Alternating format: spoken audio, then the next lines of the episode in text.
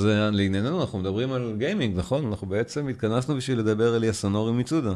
אבל לפני שאנחנו נתחיל לדבר על יסנורי מצודה, בואו רגע נדבר על מוזיקה בגיימינג באופן כללי. איזה כמה מילים כאילו של מה הדבר הזה בעצם נותן לנו, אה, או, או איך אתה רואה בעצם את, ה, את המוזיקה, או איך היא תומכת במשחק. הרי בסוף כשאנחנו היום, כשאני בא לבחון משחק, אני מסתכל על שני דברים בעיקר, אחד זה הנרטיב שהוא מציג לנו, הסיפור שהוא מספר, שאני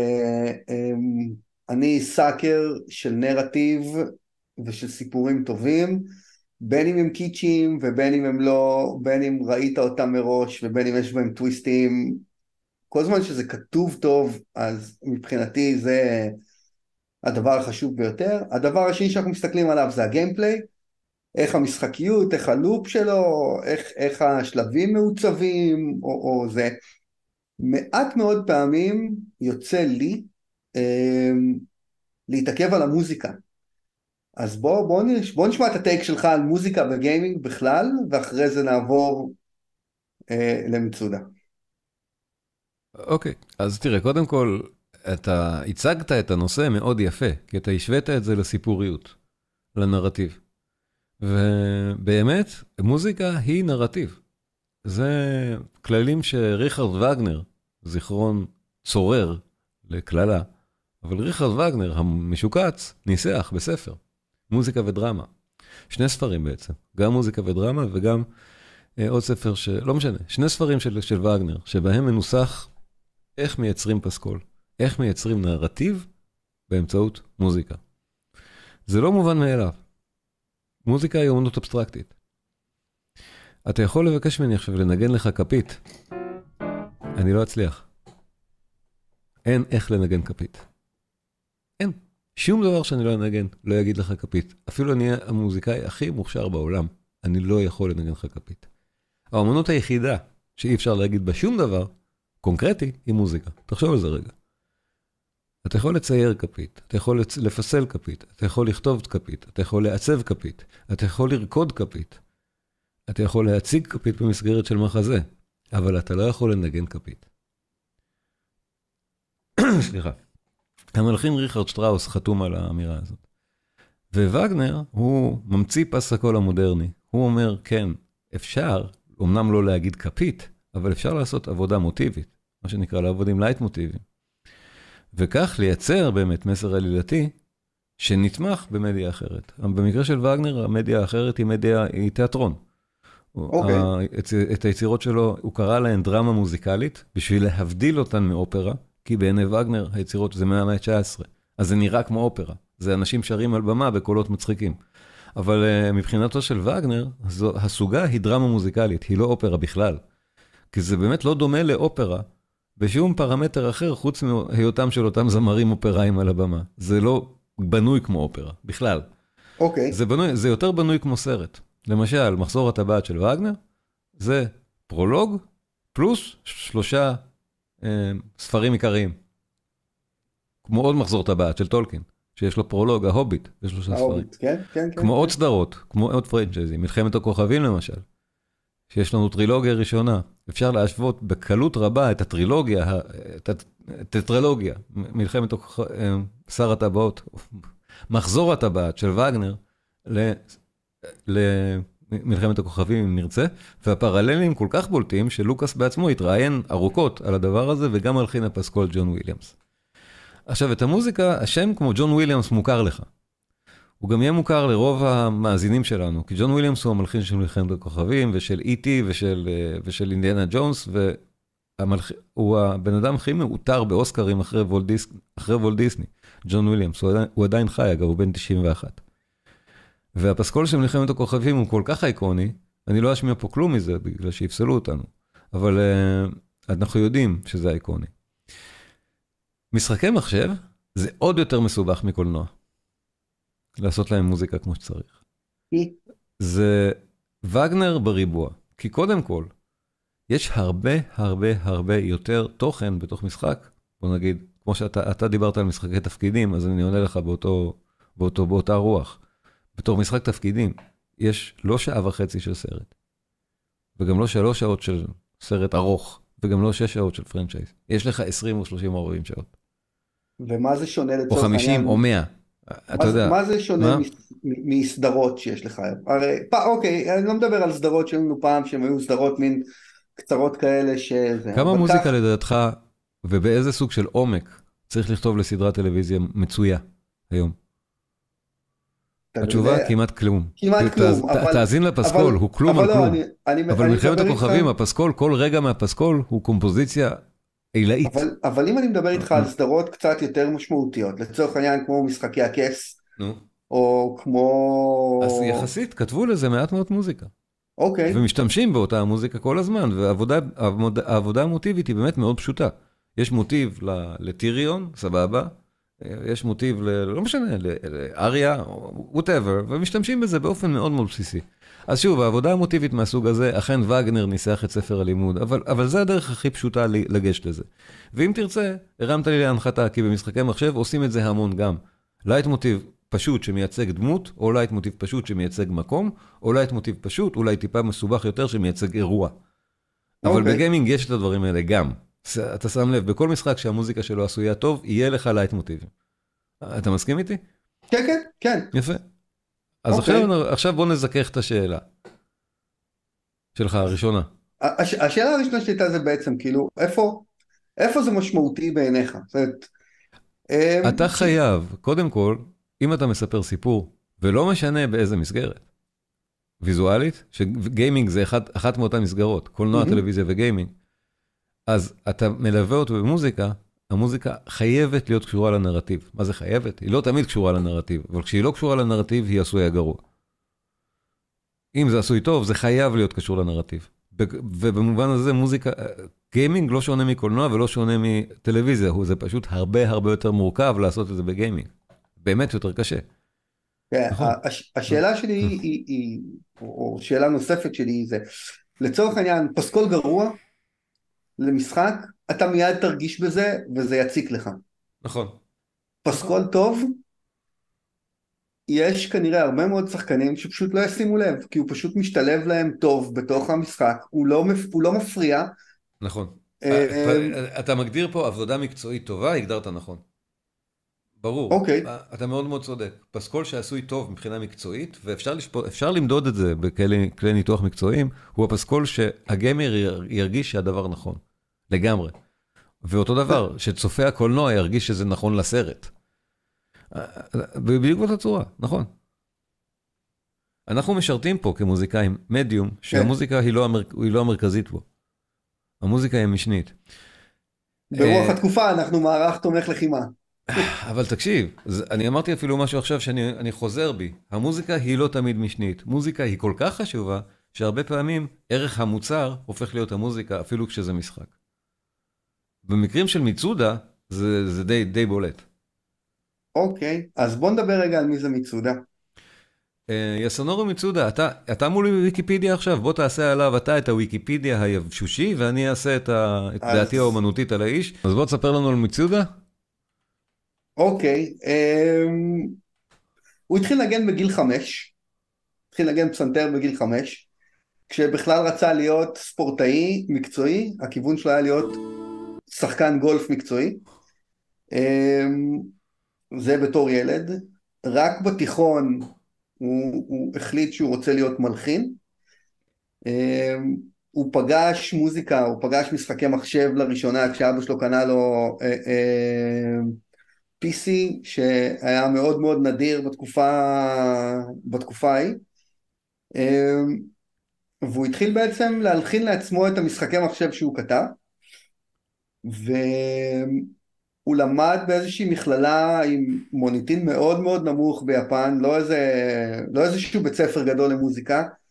והיתרון של שמה זה שהמרצים שלו היו אמ, אמנים מופיעים שפשוט לקחו אותו איתם אה, להופעות כדי... הוא אה, בעצמו אפילו אומן מופיע, מיצודה, זה מה שהכי מעניין. שהוא לא אה, רק גם, הי- מלחין. גם היום הוא, הוא אומן מופיע? בדרך כלל עם הדברים שלו, אבל, אבל אתה יודע, זה כזה, הוא, הוא עולה על הבמה בקונצרטים האלה. יש מסביבו הרי המון הייפ, יש קונצרטים של המוזיקה שלו נעשים בכל העולם. נדמה לי ש, שיאסנורי התחיל את הדרך בסקוואר. יסנורי התחיל, יסנורי כן, זה השלב הבא שזה. כן. אז אחרי שהוא קיבל uh, ניסיון, ניסיון מעשי על הבמות ב, ביפן, בין אם בתור טכנאי ובין אם בתור נגן, uh, הוא הגיש מועמדות לסקוואר כדי לעבוד כמלחין, ובריאיון שלו, זה, זה קטע פיקנטרי נחמד, הוא אומר שבריאיון שלו הוא אמר שמבחינתו סקוואר זה רק אבן דרך ולא מקום להיות בו, ושהוא רק משתמש בהם כמקפצה. ולמרות זאת קיבלו אותו לעבודה. אמ, הוא היה טכנאי סאונד בהתחלה. לא נתנו לו להלחין עד שהוא נכנס, אמ, נכנס למנכ"ל, למנכ"ל של סקוואר, נתן אולטימטו, אמר לי תן לי להלחין או שאני עוזב, וככה הוא קיבל ב-94 להלחין את קרונו טריגר, ונראה לי כן. שמשם היסטוריה. כי קרונו טריגר זה קלאסיקה.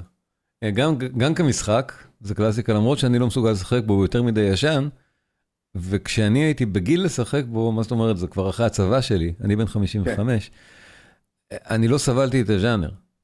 כאילו, ובטח שלא היה לי נינטנדו, נדמה לי, על מה שיחקו את זה? אחד, מה, אחד מהקונסולות שלא היו לי. לא טריגר, כן, זה לא קונסולה שהייתה לי בכלל. אבל, אה, ובטח שהקטע היפני ההוא של הפיינל פנטזי הראשונים, וקרונו טריגר וכל זה, לא רק אני כמערבי לא הבחנתי בהם, גם אתם. אף במערב לא הבחינו בשלב הזה. עד פיינל פנטזי 7, כל הסצנה היפנית הייתה ביפנית. לא הייתה אפילו נכון. localized. נכון, נכון, נכון. עכשיו, קרונוקרוס, זה הפסקול הראשון שאני מכיר של, של מצודה, אה, ממשחק שאני אשכרה שיחקתי בו. עכשיו, לא שיחקתי בקרונוקרוס בזמן אמת. זה ההמשך, זה ה sequel, אבל זה לא בדיוק sequel אפילו, של אותו קרונו טריגר.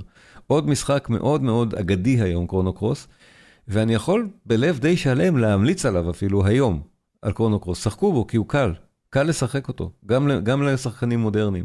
זה RPG נהדר, JRPG מצוין פשוט. המוזיקה, זו הסיבה שאני שיחקתי בו בכלל. שאני הורדתי אותו בסוויץ', בגרסה המחודשת, ושיחקתי בגלל יסונורי מצודה. וזה מה שקרה לי עם הרבה משחקים, ובכלל עם הרבה דברים בחיים. אני מגלה את אותם דברים בעקבות המוזיקה. אני גיליתי תרבות גרמנית בעקבות המוזיקה של וגנר.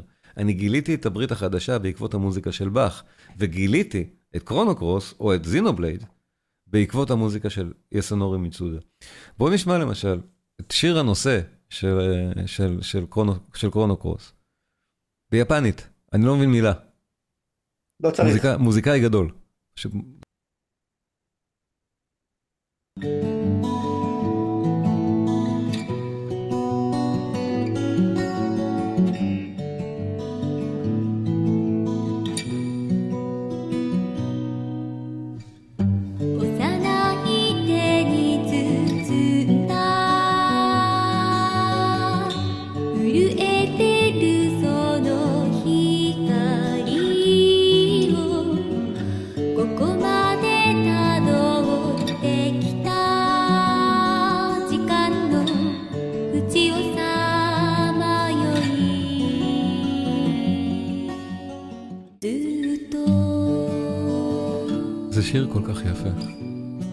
ואני שומע כן. כזה שיר ואני אומר, מי שהלחין אותו, המלחין שאני אוהב, אני לא הכרתי אותו, אני לא יפני.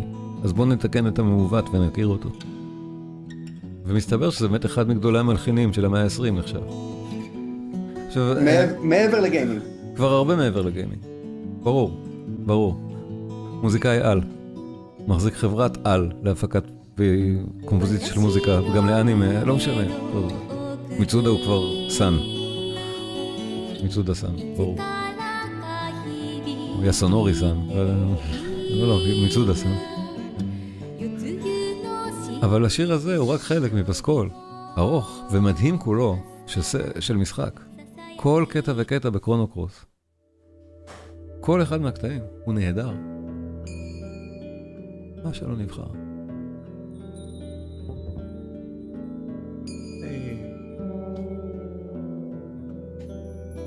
פשוט שימו את ה-OST ביוטיוב. תקשיבו לכולו. הוא נהדר. ואני מתחיל, מתחיל משחק ככה, אני לא יכול להפסיק. אם המשחק היה גרוע הייתי מפסיק, אבל המשחק גם הוא מעולה, הוא לא סתם קלאסיקה. קלאסיקה אנטיקה באמת. תורידו את זה לסוויץ', זה, זה 10 דולר. או בסטים ב-5 דולר, קרונוקרוס. תבדקו. מלחין ענק. קרונוקרוס הבנו, נכון? ואחרי זה, ואחרי זה מצודה באמת עשה עוד כמה וכמה masterpieces, שהגדול שבהם לדעתי זה הסדרת זינו של טקהשי, הזינובליידס. אבל זה לא רק זינובליידס, זו סדרה שביפן הולכת אחורה עוד לזינוגירס, מה-PS1, מ-96 נדמה לי. ש... כן. שהוא הלחין את המוזיקה למשחק הבאמת קאלט אייקוני ההוא, לזינוגירס. שזה, באמת... שם הוא עוד עבד בסקוואר.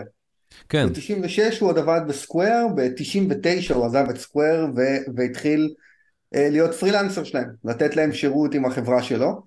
כן. אה, והיום הוא כבר עושה הרבה הרבה יותר. אם אני מנסה לחשוב, אתה יודע, התחלתי, ב- ב- בעקבות השיחה הקודמת שלנו, התחלתי את זינובלייד uh, קרוניקלס הראשון, הורדתי אותו אוקיי. לסוויץ', ואחרי שעה, שעה וחצי בפנים, הוא קודם כל, התחושה שלו היא טובה, זאת אומרת, הוא... המוזיקה, המוזיקה לא כבשה אותך בינתיים? המוזיקה כבשה אותי, כן. יכולתי פשוט לשים, להניח את הסוויץ' על השולחן בדיוק. ברכבת, ו... ולעוף על המוזיקה. ככה אני נכנסתי לזה, מהמוזיקה. ברור, תראה, לפני, לפני זינובלייד, זינוגירס, נדמה לי 96, PS1, סקוואר. תראו איך, איך זה מתחיל, זה המוזיקה של מצודה, זה משחק שלדעתי הוא לא שחיק בימינו.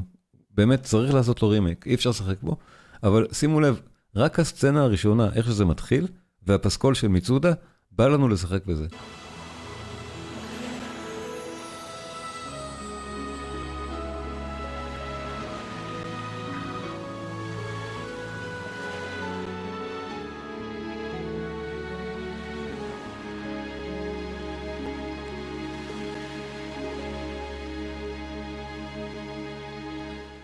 איזה פתיחה שמבקשת רימייק לזינו גירס, לא?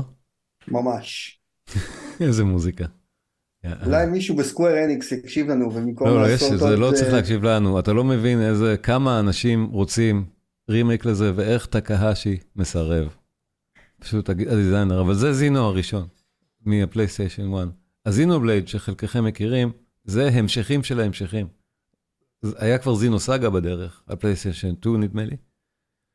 אה, או אחד מהמאסטרי, היו שלושה משחקי זינו, זינו סאגה, ועכשיו יש לנו את הסדרה, סדרת הזינו הבאה, זינו, זינו בלייד, שכבר רצה כן. עוד מהווי. נכון. הגרסה שאתה שיחקת עליה זה הרימק של זינו בלייד 1 מהווי. כן. טקאשי עושה משחק בשבע שנים, מה לעשות, אבל הוא תמיד לוקח את, אה, את, את אה, מצודה. תמיד הוא לוקח את מצודה.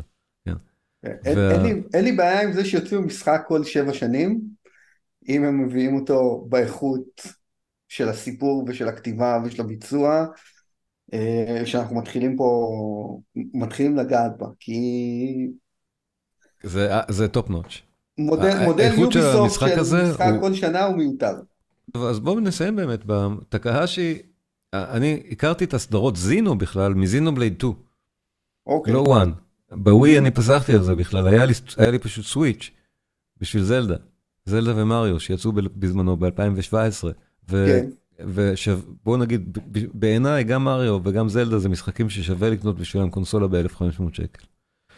בוא נודה, הסוויץ' לא היה יקר גם כשהוא יצא.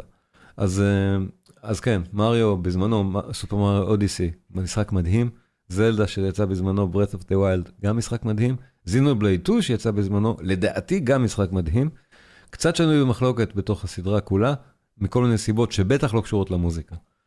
אבל המוזיקה באמת, גם על זה, גם על זינו 3 וגם על זינו 1, אה, מצודה עבד חמש שנים. לא לבד, הוא לקח צוות נהדר שעובד תחת פיקוחו, כי יש פה כל כך הרבה מוזיקה. זה ששאלת בהתחלה, אין שום סרט או סדרה שכותבים לה 40 שעות של מוזיקה. לא, לא, שלא משחזרים קטעים. נכון. אלא שכותבים באמת סקור, והתזמורת מנגנת ומקליטים 40 שעות של מוזיקה בסוף. 40 שעות של מוזיקה זה המון. זה, זה פשוט המון, ויש במשחקים האלה כמות כזאת של מוזיקה. זה, זה, זה לוקח חמש שנים לעשות את זה. אמרנו ש-40 שעות של מוזיקה, אה, שזה לא משהו שקורה בסרטים או בסדרות. וגם לא קורה כל כך במשחקים אמריקאים. וגם לא קורה ככה. כל כך במשחקים אמריקאים, נכון. לא קורה בכלל. או נגיד משחקים אמריקאים לפי מיטב ידיעתי, תקנו אותי אם אתם טועים, משהו כמו נגיד World of Warcraft, בסופו של דבר היו לו 40 שעות של מוזיקה. אבל זה אחרי מיליון, מיליון, מיליון אקספנשנס, כאילו, כן. ו, ובהתחלה אפילו ש-World of Warcraft, נגיד מה שנקרא היום ונילה יצא, אה, ש- שאפילו אז היו, היו תמות לכל מקום, וזה בערך 30 מקומות, זה, לדעתי לא יותר מחמש שעות של מוזיקה היו שם, להערכתי, או שש. לא, לא בעשרות. עכשיו בטח כן. אה, יש לי, אבל, מה? כן. יש לי שאלה אליך. Hmm? שמעת על Sea of Stars? על Sea of Stars? על המשחק? כן. שמעתי עליו, כן, בטח. יצא לך לנסות אותו? לא. אני, אני, אני עכשיו בשלבים של לנסות את אה, זה, את סטארפילד. אתה בשלבים של לנסות את סטארפילד. אני אה, קניתי אותו, ואז התחילה מלחמה, ולא היה לי מצב רוח לשחק בכלום. לא מצב רוח, ריכוז. זה לא מצב רוח, זו המילה. ריכוז. אז אני, כשהתחילה המלחמה אני הייתי כמוך גם כן, ו-Sea of Stars הצליח להוציא אותי מזה. איפה זה, בסטים? אה, יש אותו גם בסטים אז בוא לדעתי, נחפש בסטים. אבל חכה חכה לפני שאתה מחפש בסטים. Hmm. Sea of Stars, חוץ מזה שהוא משחק אה, אה, אה, כיפי, הוא, הוא, הוא אינדי מצוין, אחד הדברים שהכי שיבחו אותו זה על הפסקול שלו. אוקיי. אה, וגם אני מצאתי את עצמי מסתובב בבית ומזמזם לי את המוזיקה של Sea of Stars ועכשיו בהתחבר למה שדיברנו קודם נחש מי, מי מוביל את הצוות, בטח מצודה. כן? טוב, הוא גאון, נו. יסונורי מצודה הוא חתיכת. כש, כששלחת אותי לעשות קצת שיעורי בית לפני השיחה שלנו היום אז אתה יודע. הסתכלתי על רשימת ה... יש בוויקיפדיה רשימה ענקית של כל המשחקים שהוא נגע בהם ב- הוא- מעבר הוא מנטור, להסדרות. הוא- הוא מנטור מאוד חשוב של גם באנימה. באנימה, נכון, כן, בדיוק. נכון, כן. בטח. אז, הוא- אה, אז ממש הופתעתי לגלות שהמשחק האחרון שהוא עשה זה אה, Sea of Stars, ותשמע, זה פסקול פשוט מעולה, הוא מתיישב בול על המשחק. נהדר, אני, אני, עושה, עושה, אני עושה לעצמי לייק ומוסיף את זה אחר כך לפלייליסטים שלי. הנה, יאללה. ותבדוק את המשחק, כי המשחק, אתה אומר, יש אותו בסטים. אז יאללה. אני- זה, ל- איזה סוג, איזה, איזה, זה יפני, מן הסתם, אם זה זה מצודה. יפני, אה, בטח זה טוב. זה JRPG light כזה. JRPG. אה, JRPG light, סבבה. זה בדיוק, זה בדיוק נראה במשחקים ש... JRPG stuff, style שסקוויר היו עושים. ש... מאוד כן, מאוד אבל דומה. כאילו pixel art ישן כן. כזה, ו... לכן גם לקחו את מצודה בשביל האווירה כנראה הספציפית של הפסי קול שלו, שמזוהים עם הז'אנר מאוד מאוד. תשמע, זה יפה זה, מאוד. תראה, זה נראה ש- כמו כרונו טריגר. לא, אני כבר אומר לך. אם, אוקיי. לא, לא כרונו קרוס, זה חיקוי של, זה, של כרונו טריגר, מכל בחינה. אה, וכרונו טריגר זה גם משחק מעולה, אם יש לך באמת סבלנות לשחק ב-RPG עתיק ממש, עוד מאחד הנינטנדו, לא יודע איזה, לפני PS1, כרונו טריגר הוא משחק מעולה, בטח שהמוזיקה היא אלמותית. וזה חיקוי של כרונו טריגר. אז אותו- זה, אותו זה קטע. משחק אינדי שלדעתי הולך מעולה. להתחרות על ה indie game of the year אם השנה, מצודה, אם מצודה עבד על הפסקול, זה לא בדיוק אינדי. אחרי כל התשבוכות של, אה, של מיצודה, ואתה רואה על איזה משחקים גדולים הוא עבד לאורך השנים. אז אמ, אולי הוא היה פשוט חבר של המפתחים. או שאתה יודע, יש, הוא לקח פרו בונו כזה. יכול- הוא אדם חמוד, כנראה. אתה יודע, לקחו, המוזיקאי הכי יקר- בעולם ב gaming, נתן להם את זה מתנה כי הם נחמדים. בכל מקרה, בוא נסיים באמת בחלק קטע מ Xenoblade Chronicles 2, שהסיפור שלי, שאני באמת קניתי את ה Switch, אמרתי, כשהוא יצא בשביל זלדה ומריו, לא ידעתי אז בכלל כלום מה זה זינובלייד, או, או זינו גירס, או, או מצודה, או טקהשי. וזה פשוט בא יחד עם הזלדה כזה, באותו זמן זה יצא, ב-2017. מהמם. והוא קשה, בניגוד למה שאתה משחק. הראשון, השני, הוא קשה להיכנס אליו גם. זה, זה באמת משחק מאוד מאוד קשה, הוא משעמם 20 שעות ראשונות אם אתה לא אמון על אנימה. בכל מקרה, אני הצלחתי להיכנס לזנובלייד 2, שהוא משחק באמת מדהים, אני אומר, ש- 100 שעות אחר כך, משחק מדהים שהיה שווה להיכנס אליו, רק בזכות המוזיקה. זה מה שהחזיק אותי, ומוזיקה מדהימה, הפסקול הזה של בעיקר מיצודה והצוות שלו. בואו נשמע A Faint Hope, אחד מהקטעים, יש פה באמת פסקול נורא ארוך, תקשיבו לכולו, הוא מדהים. אחד מהיפים, גם, זה לייטמוטיב שמשמש אחר כך.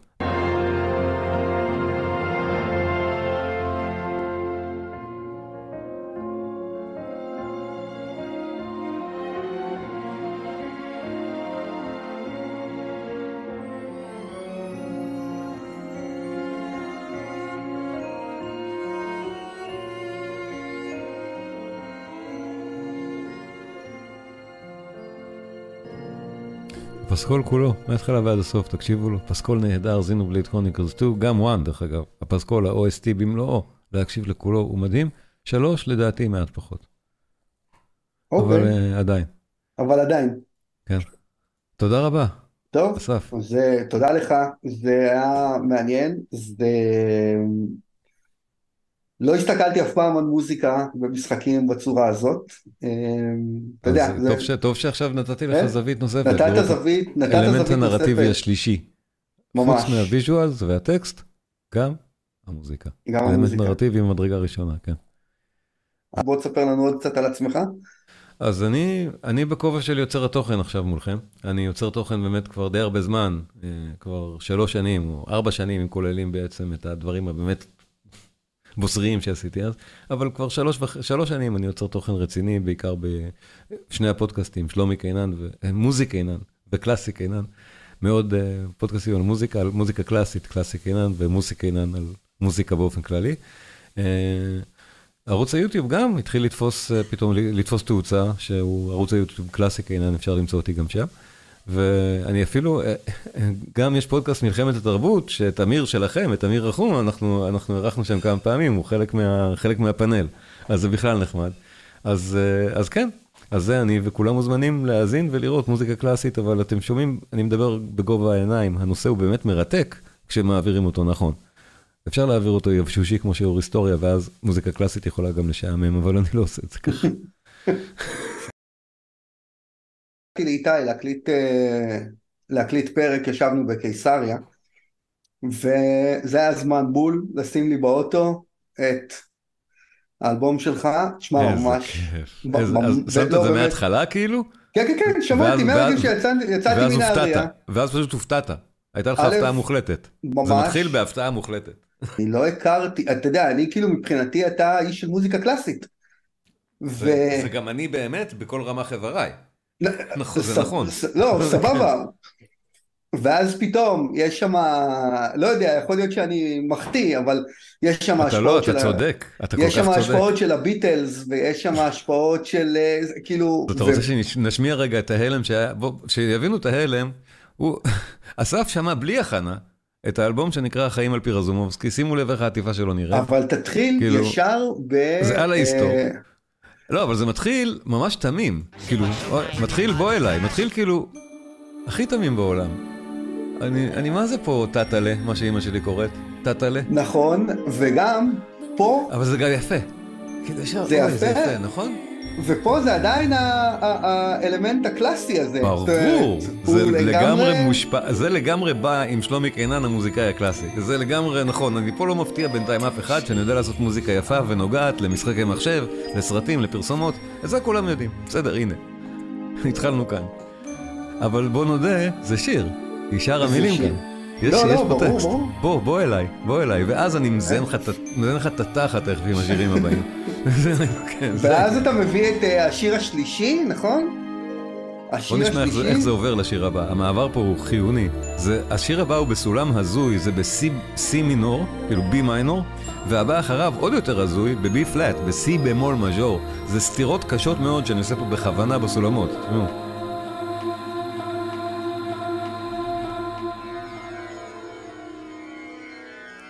ואנחנו כאן.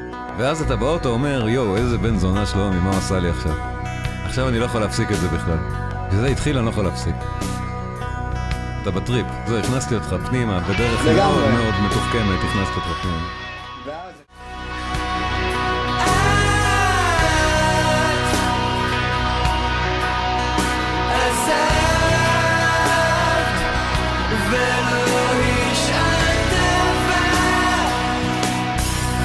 קיצר חזק, אה?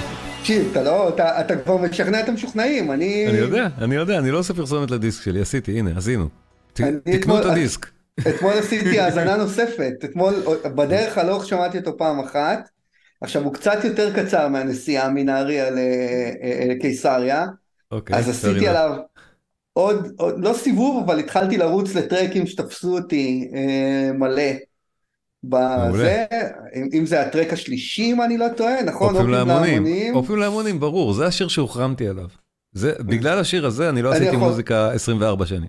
אני יכול להבין, אני יכול להבין למה, תכף תספר לי את כל הסיפור למה. כי זה מעניין. אני מבין מצוין למה, אה, אחר כך יש לך את אה, נערת הזוהר, נכון? נכון? וקראתי לו עכשיו המשפיענית בסוגריים, כן, כן, בהנחה כן. ש- שהקבוצה שלכם בכלל לא מבין- לא מכירים את הביטוי נערת זוהר. נכון. כאילו, כן. בסוף אנחנו מדברים על אנחנו משמע ילדים. המשפיענית. אנחנו מדברים על ילדים. נכון? אה, וואי, שגם אבל מילה הוא כמו משפיענית. הם מבינים מצוין. זה נכון. אה, מצעד האיוולת היה גאוני, או, אתה מכיר את הקליפ? לא? כמו אה. משתגע מאהבה. מה- מה מה בת הזוג תחשוב על זה? אשתי לא מתה על השיר הזה. וואלה. בוא בוא נשמע אותו רגע. יאללה. תבינו את המילים, כן?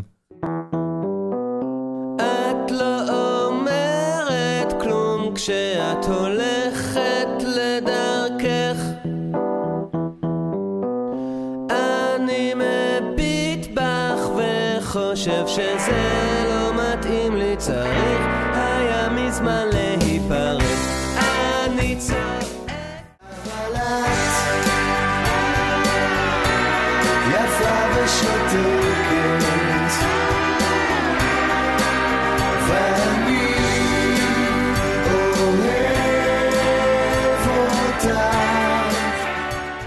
אז אתה מבין למה אני שואל מה בנות הזוג יחשבו על השיר הזה, נגיד? ברגע שאתה אומר, זה עוד אבל ממשיך, הטקסט ממשיך, המילים ממשיכות. לא, ברגע שאת אומר, את יפה ושותקת ואני אוהב אותך, אין...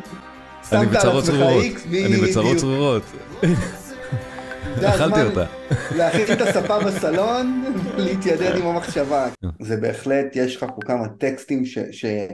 בטח בהחלט, ובטח. בתקופה הזאת, אמ, נותנים בוקס בבטן בכמה שהם מדויקים, ואני עוד פעם אומר, ממש ממש נהניתי, ואני בטוח עוד הולך לחזור אליו עוד, אה, עוד, עוד, עוד פעמים רבות.